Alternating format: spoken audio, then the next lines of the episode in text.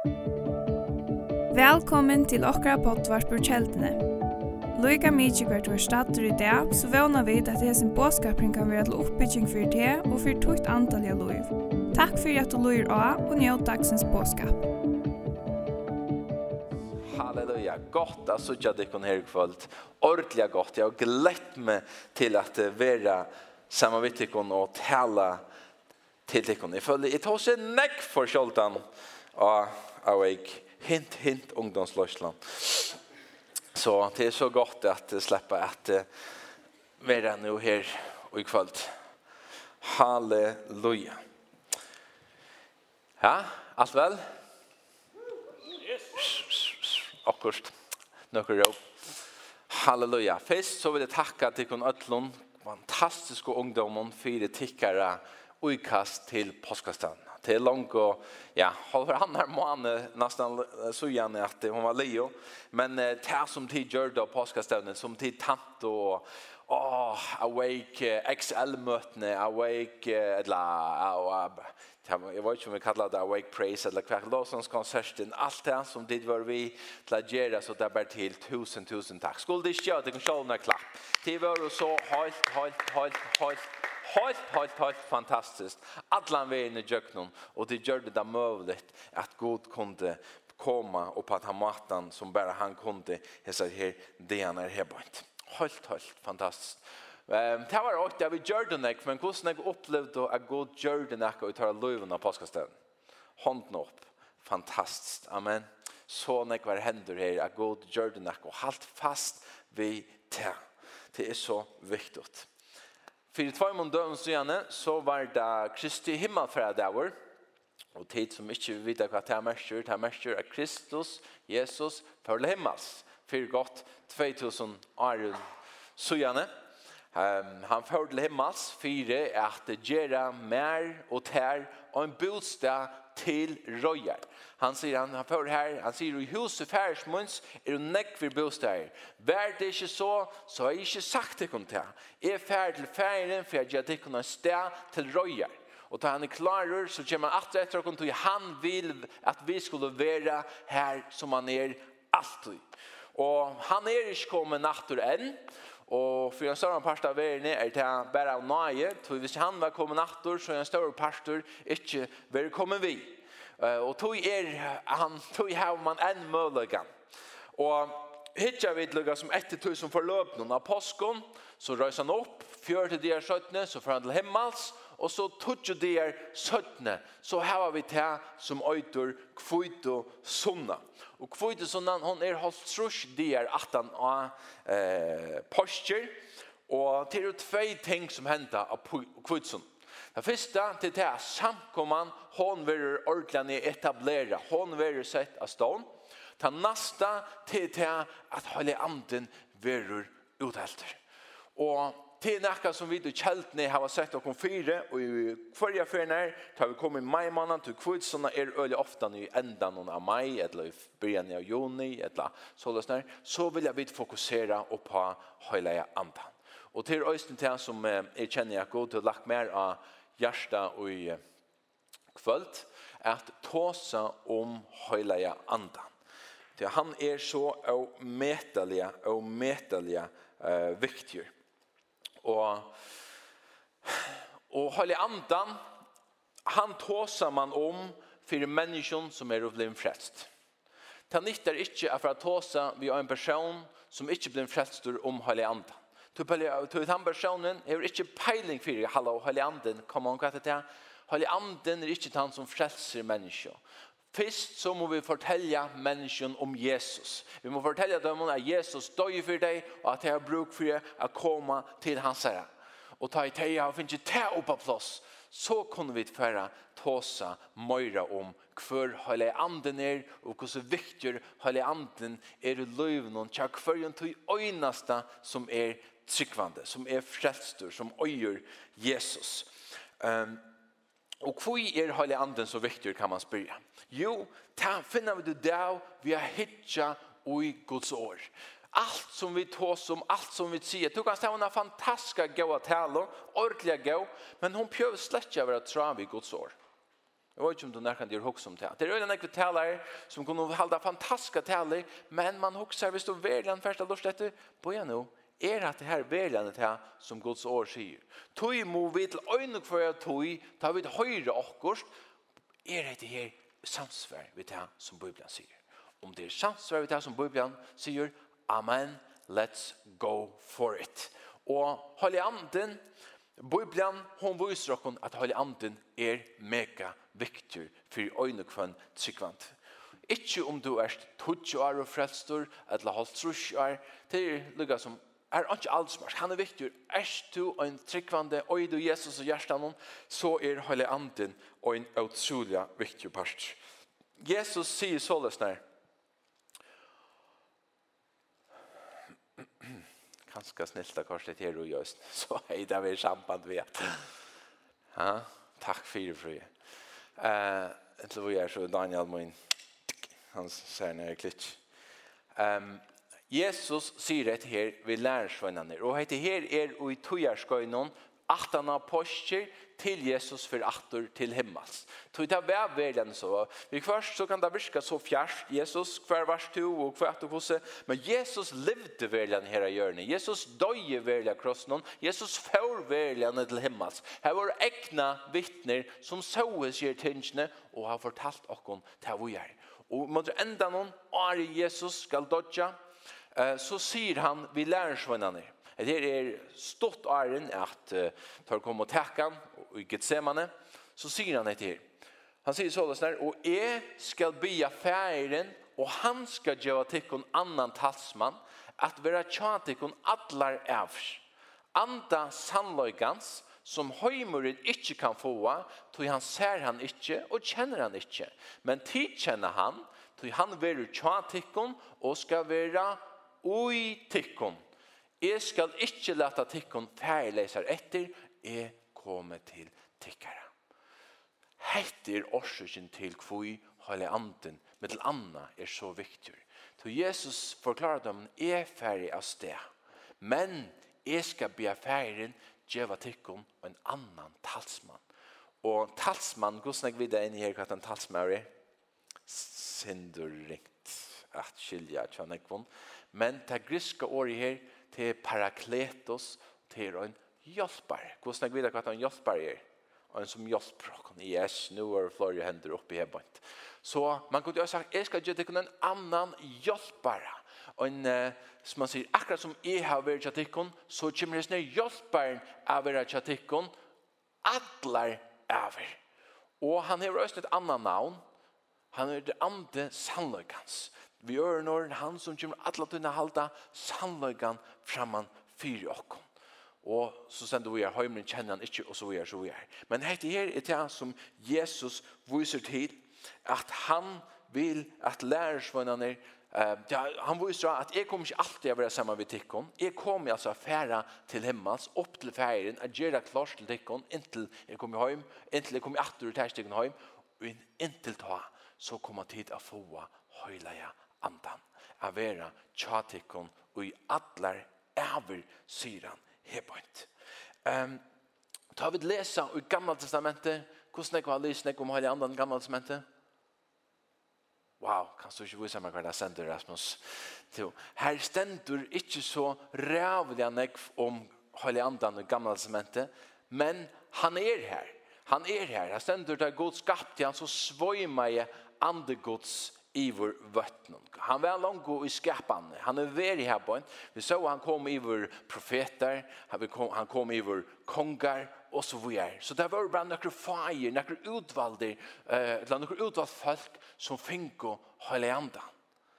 Og vi sutja ta Jesus byrjar sina tjänastor, ta han blir döptor av Johannes döpare av Ånden Jordan, så ständer himmelen öppnades og heilig anden dela i iver Jesus og i form av øynare dikvo. Og øynare luidje øynare dikvo. Til å si det var ikke en dikva men det luktest det var nekka som luktest og at han at her så byrja Jesus aktivt syna tjänast och vi söker att han ber göra dig lamn och frusk. Han ber göra dem om blind och sjön han ber rösa dig dig upp och han ber göra näck människor frusk att han att hålla anden var komin iver han.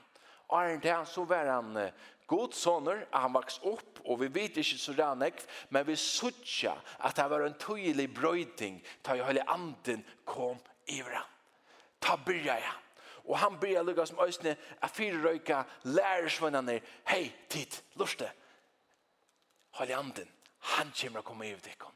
Han kommer at til kommer enda å gjøre større ting enn hva jeg kommer å gjøre og så er stendet det og Johannes. Vi har ikke tog å lese alt. Men dette er alt det som stender. Og Jesus ville at lærersvenner skulle vite at hår for å få det samme som han heier. Og det er gøy tog inn til for dere. Amen. Og, men han sier jo også at de skulle boja. De skulle boja. Eh, tog at ta Jesus for himmels ta lukka som, jeg kan jo mynda meg ut han for her og skoju noen oppeitne, så lærer Sven seg, oh my dear, kvett nu, åh, hva skal vi gjøre? Panikker du? Nei, det var det slett ikke. Tui Jesus hei fortalt hva skulle komme og hente. Han sier, nei, vere ui Jerusalem og boie. Han stendur så løsner, jeg må nesten si Daniel, hva er for nær klitje. Mian, han nu, Det var hette det bont åren Jesus for til himmels. At det sier hette bont åren. Bont åren. Mian han nu var samman vitt ömon gav han alltså vid lärsvännen apostlen gav han tömon på att tar skulle då inte färra ur Jerusalem men boja efter tui som färden hej lova som tid säger han här var hårt med tala om och så säger han till Johannes døpte vi vattne, men tid skulle være døpte ui høyleia andanon, arren nekver dier er og omledne. Ta mestur at tid skulle ikkje færa sted, veri her i Jerusalem, her som dit er nå, tog at om nakra dier, så skulle tid være døpte ui høyleia andanon. Ikkje nekva dier. Ok, Men Jesus, han er ikke ordentlig lever at forklare enn, til han sier så løsne, men tid, vi er det, tror jeg vers langt nere, men tid skulle få kraft, at sier kraft, kraft, ta i høyde anden, kjemur ivedikon, og tid skulle være vittnemøyne, bæge og Jerusalem, og i ødlen Judea og Samaria, og lykke til enda gjerne. Så Hette er det som ligger ui tui, ui tui at bla døptur ui høyland òsne, til det at de skulle få kraft ta i høyland anden kjemur i ivedikon. Og tid skulle være vittne mine, bæge, og så vi er, så vi er, så vi er. Og jeg tog seg løsindrom med en tale for en tvøymon nästa söndag om hela andan som hjälper. Det tar sig när till att vara vittne så jag får inte bruka tog på det här ikväll. Så det här kunde för in här och lusta efter. Men Men det som jag också fokuserar på, det är det här, han lovar att hela anden ska komma i vidare. Och det är det som händer, nu tar vi det när narskast kvitt och sunna. Eh, tog att, ja, ja, Hvis vi færa nå til det som hender, hette her er nå, ta kommer vi til sjølvan kvito sunno Deien. Og ta stendur så løsner, ta nå kvito sunno dager, kom, vore tei öll, öll sier öll, öll komen saman av øynens deg. Ta kom knapplige ljau av himle, som ta i overføre stormer brester av Ta fyllti alt huset som det sådde ui. Tungur, ånds og av elde. Hetta var ikkje eldur, men ånds av elde. Ta luktist elde. Tungur, ånds av elde. Vurste seg fire tøymon, og ta skilte seg sundur, og settust av kvørst og tarra. Og tei var og ødl, ødl sia, ødl, ødl, fyllt av høyli andanon, og for at tale ånder tungomal, alt etter som anden gavtøymon at sia. Her sørger vi lyfte genga ut. Det som Jesus hei lova og i Apostasøvn 8.5, Johannes døpte det kunne vattne, men de skulle være døpte i hele andan, og de skulle få kraft ta i høyde anden, kjem rive til kon til å være vittne, og så vi er, så vi er. Her sutja vi, hette her genga ut. Ta to blod frelstur. Ta måtikker to og er høyde anden, ta vi blod frelst. Ta kjem høyde anden og tekur bosta og i ter. To Jesus, god feir, sånner, høyde anden, takka bosta og i tær, ta du blir frelster. Hette nekka som er fyrir öll tryggvande. Öll bliva, Holy anden bliver en pastor av tunnu løyve. Og lærersvennerne tar høtto, man kan säga, longo, finnje Holy anden. Ta suttja vid i Johannes, kapitel 20 og vers 22. Jesus sier, Tætje møter Holy Andan, så anda jeg nader. Tar finko Holy Andan. Men ærastan så tås han om at det nu a blå filter av andan. Så vi gjør noen til at takk i møte hele andan til ett ting, a blå filter av hele andan til et annet ting, til det som Bibelen viser her på. Og til a blå filter vi hele andan til det som er dobren og i hele andan. Og for fölkene som var her på, så var det her rettelig underligt tui at de sier det så ut som at de oksvegna blir full. Blir lukka som kanska sind ørvise enn de vore åren så de blir lukka som ah ja de er full og bam bam at de vore lukka som ikke, det vore ikke nekka vanligt som før fram. Men så strakkar Petur fram. Eh, hvordan jeg minnast at fire holdt trus døvun sujane, Hvis du huxar, vid, nu är vi här, av Patsartøy. För jag trus døgn så gärna, så har jag Pator, eller kanske tror jag trus døgn så gärna, så har han sagt, nej, jag känner inte den mannen. Han bannar. Så jag känner inte Jesus. Og nu tror jag trus det är sköttne. Så säger han, nej, till män och Jerusalem. Stittla sig fram, det här har inte mikrofon. Han måtte råpa, bruka sånne rødt. Nei, tid menn i Jerusalem, sier han, tog tøy hana. Heser er ikke drukner som ditt halda. Til jo bare tre tøymen av denon. Etter klokka nødjo om morgenen.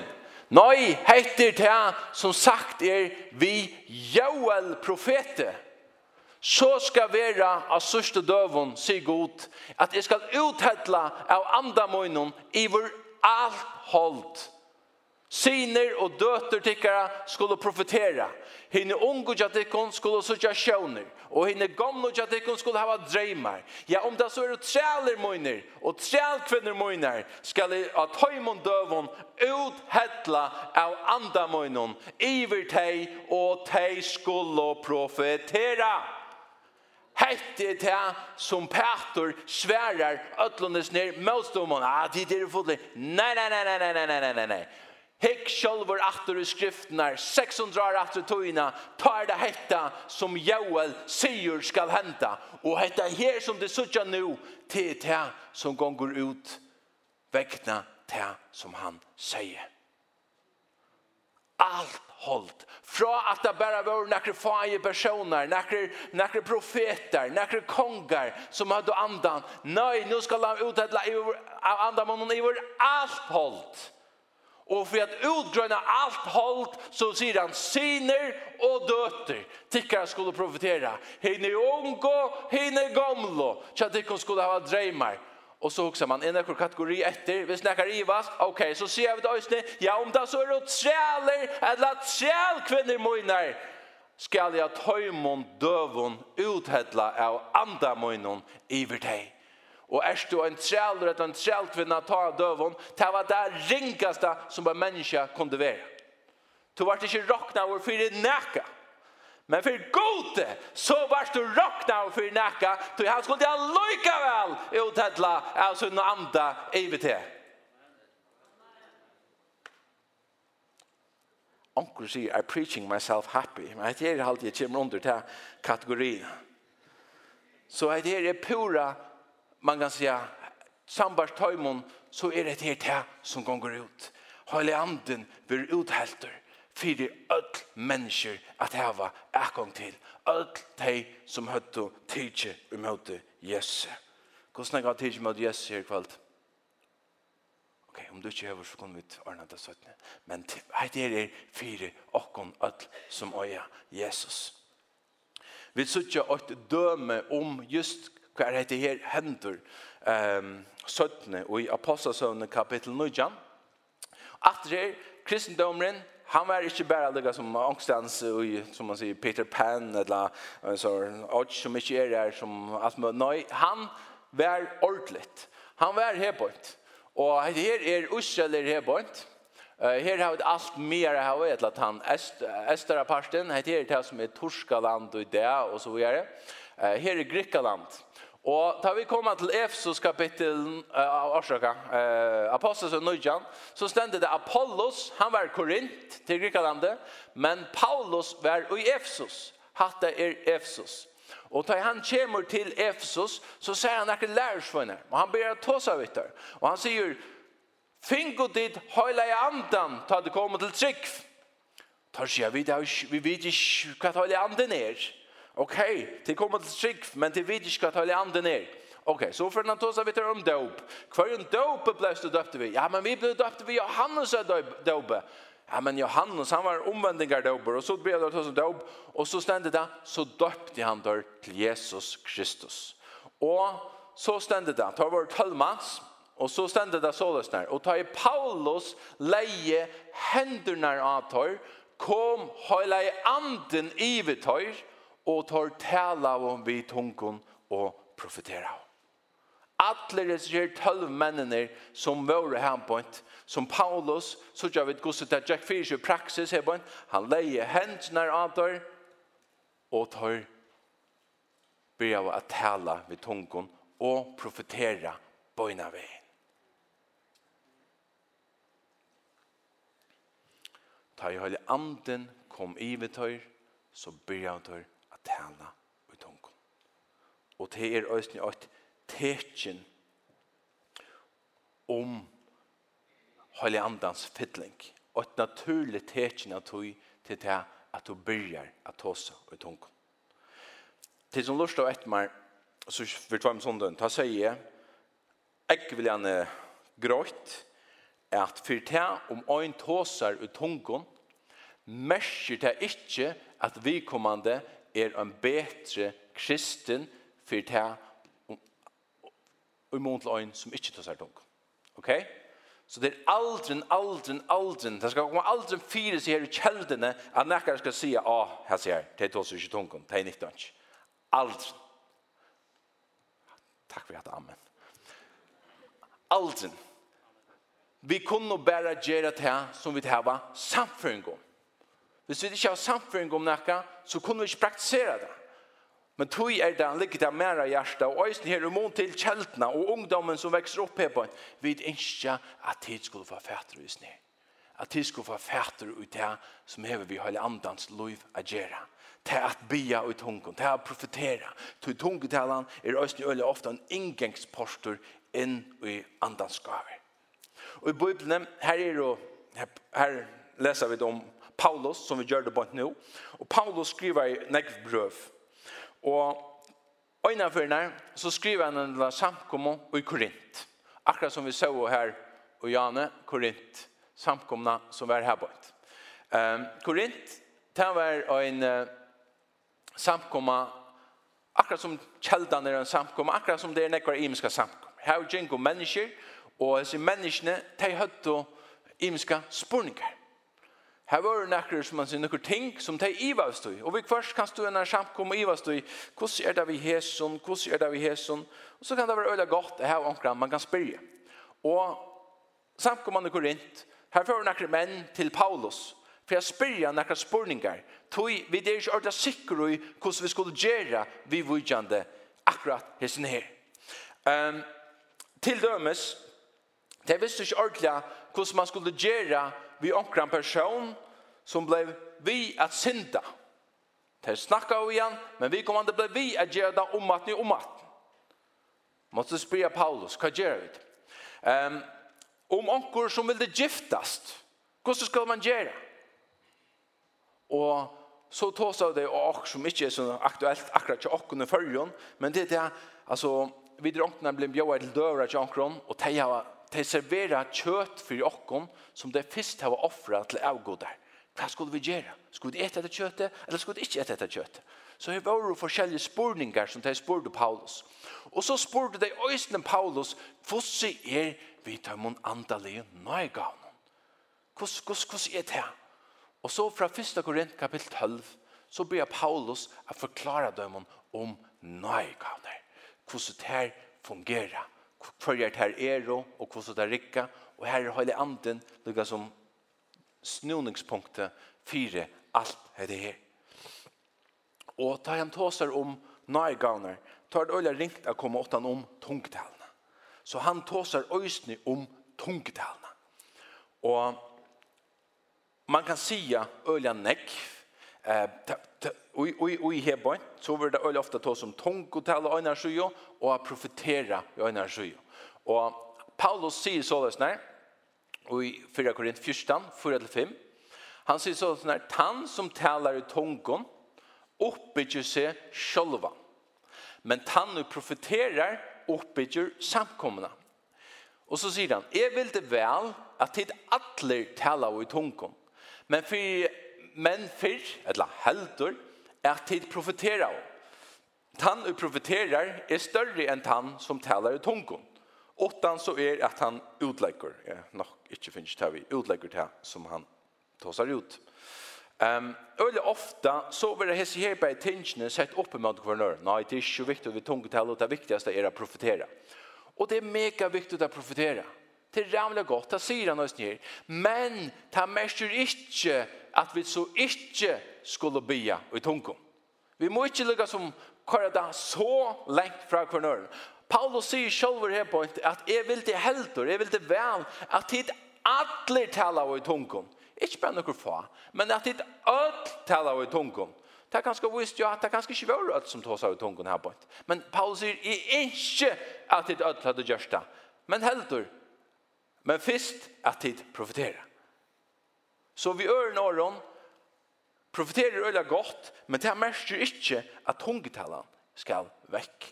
Så i samme kapitlet, og minst til nå, det er ikke Paulus som gjør det kapitlene. Paulus skriver i brev, kapitlene tar kommer aftene.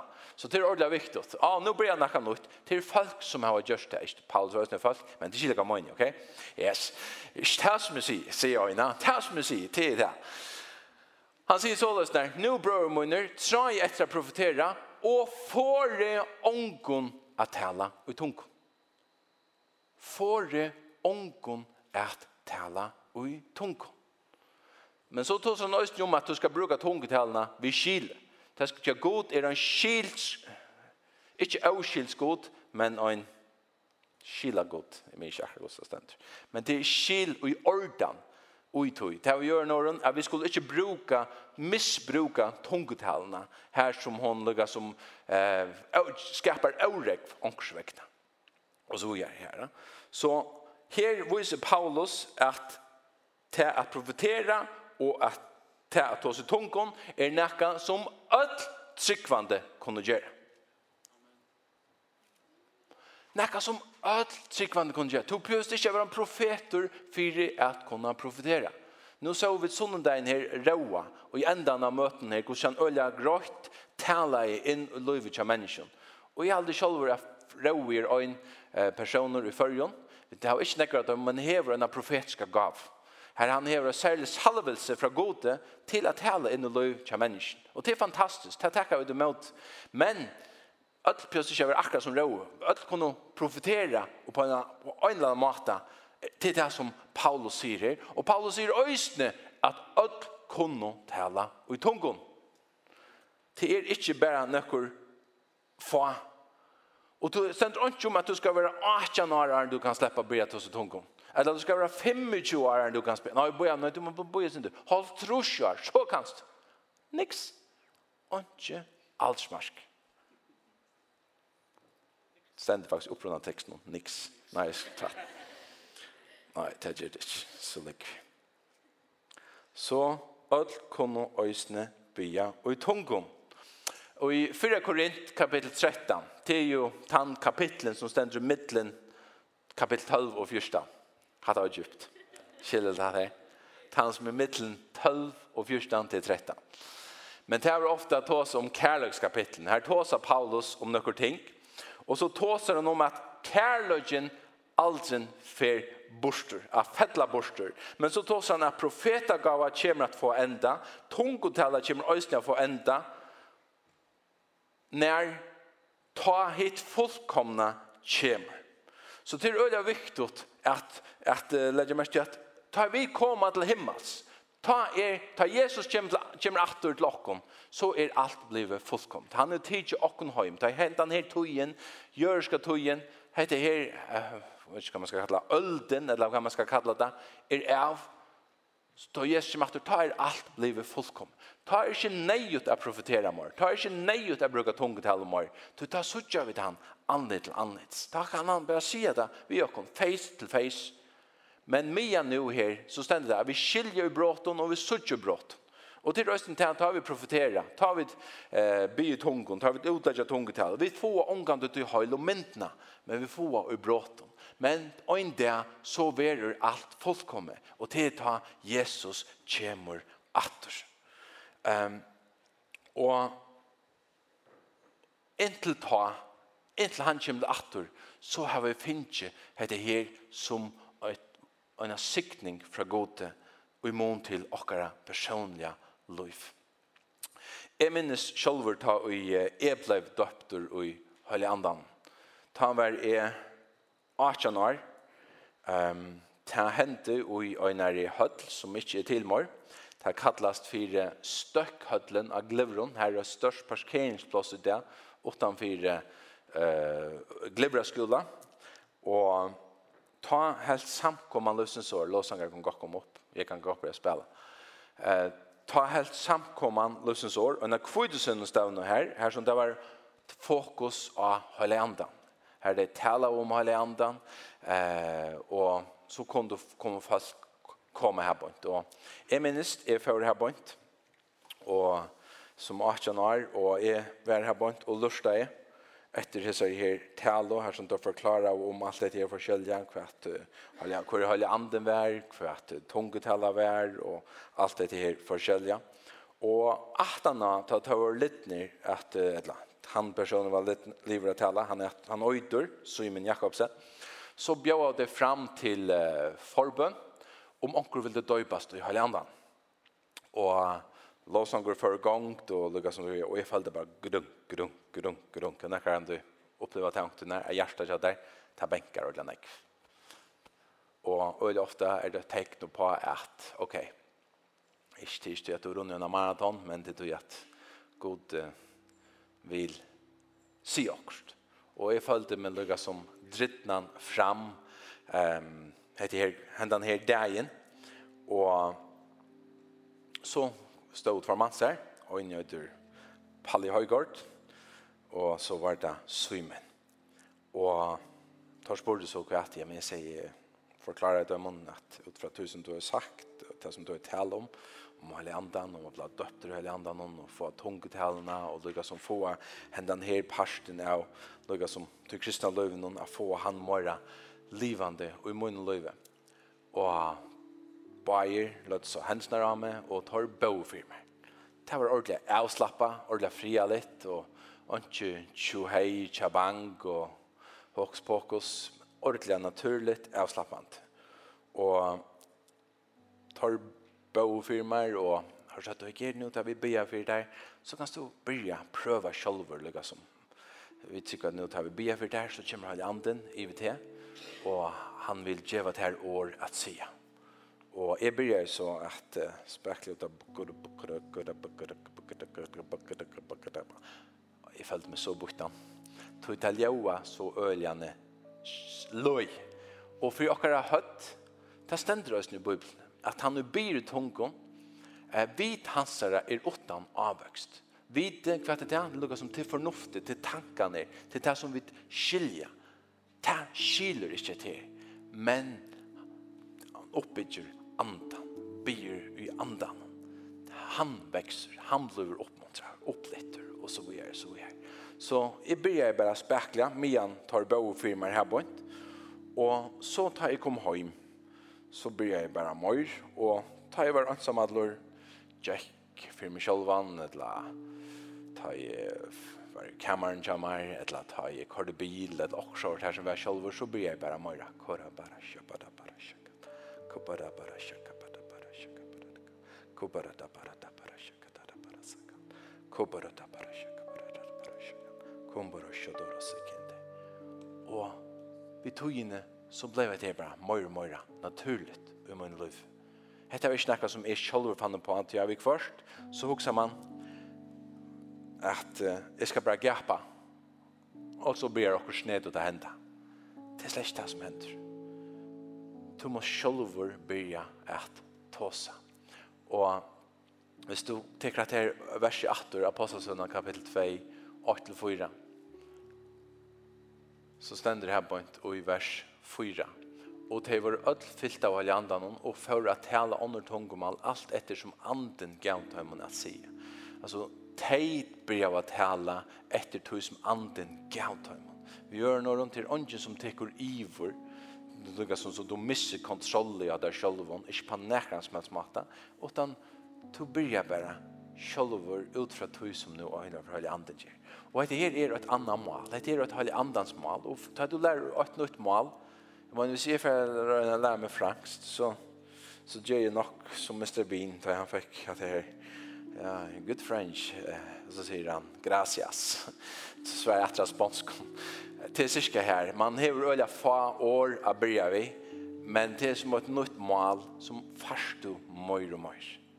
Och det här var östen här som är att då börjar man att få mör och mör. Mör och mör. Och så är det visst jag så blev det bara en pura naturlig pastor av mörnon kristna liv. Og det er jo det vi er nå i kjøtt 20 år. Og det blir jeg her på en åt møte, det ble som har landet, om halvandan støp, og jeg følte at Gud ville gjøre meg noe her på en.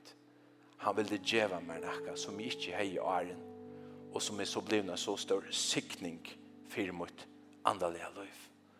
Og til ånden løgnet er at at uh, tungetallene för mot vi kommande ösn har en öle siktning ösn att det vill till andans gaver. Eh till i börjar ösn ta ut från to att det börja att bli tungon. Så börjar god ösn lägga som jukt någon där så börjar ösn att tala till mig. Och så knappt jag så börjar jag få kunskaper. Det var inte nek vad vi. Men det börjar jag. Og nok så kjøtt så blir jeg ju øyne utfräsen her at jeg kan be i tungon, men at det er imisk slø av tungotal til en tungetalan som er mot personliga bönalöv, kora bara shandara sakanda, og tid har jeg det ganske kvarje for når det i stand i hebban. Men så er det vi først at det fyr iver en annan dors. Ta for iver i utlegging. Ta det sikkert øyne hørt med hebban, nøkra til kom ganske.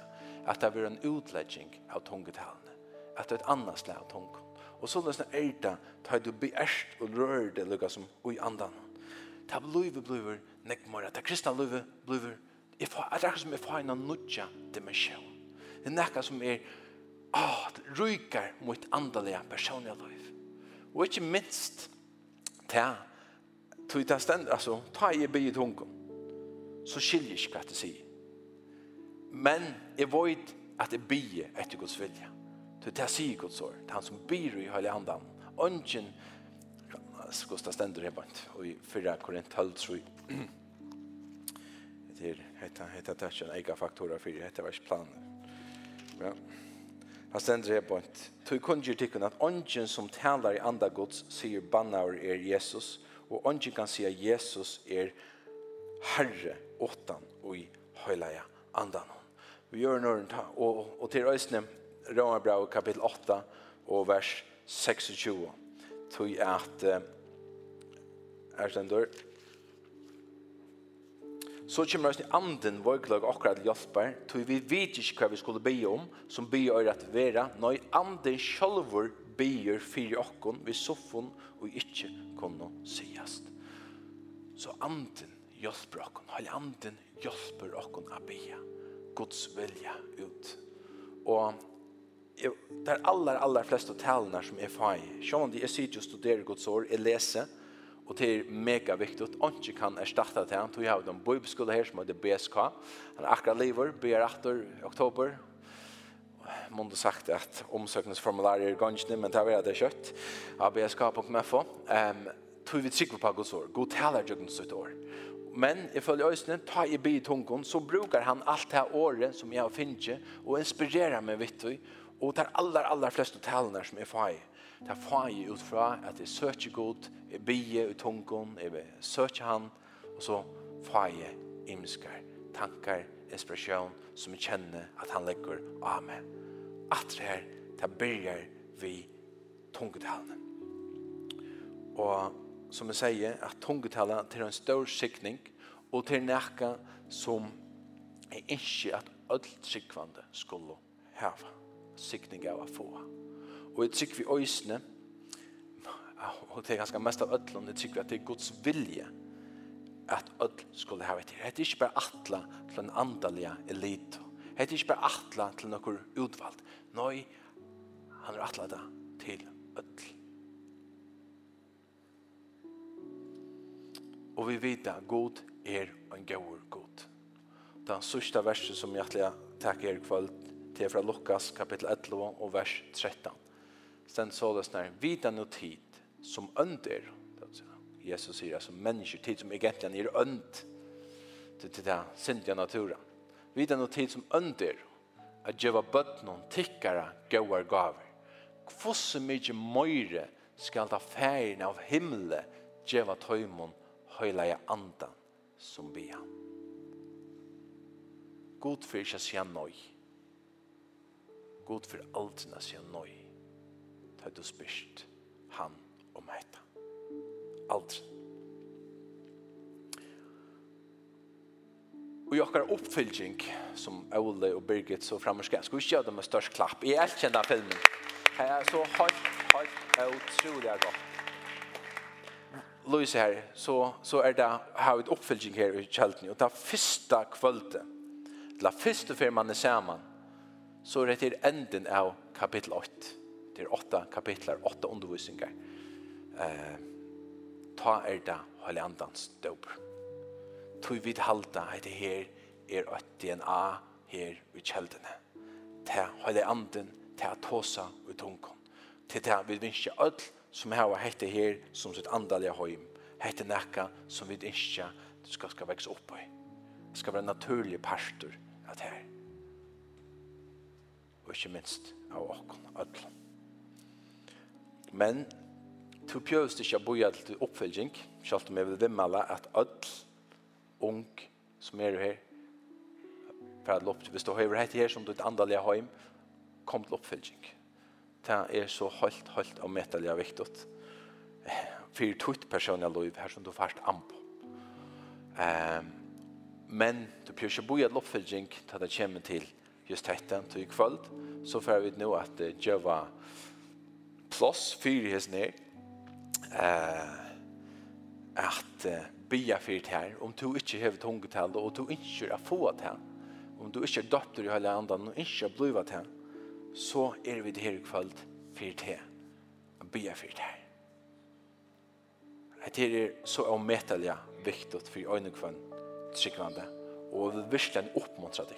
Det er ikke något som man sier som man sier, vox pocus, kommer fram så sier tut ikke, god, han pressar ikke i vrokken, ikke, så tror jeg vi er inne på at han må komme fra okken, vi må ikke det, god vil, men han pressar det ikke i vrokken, men han bjøver det til okken.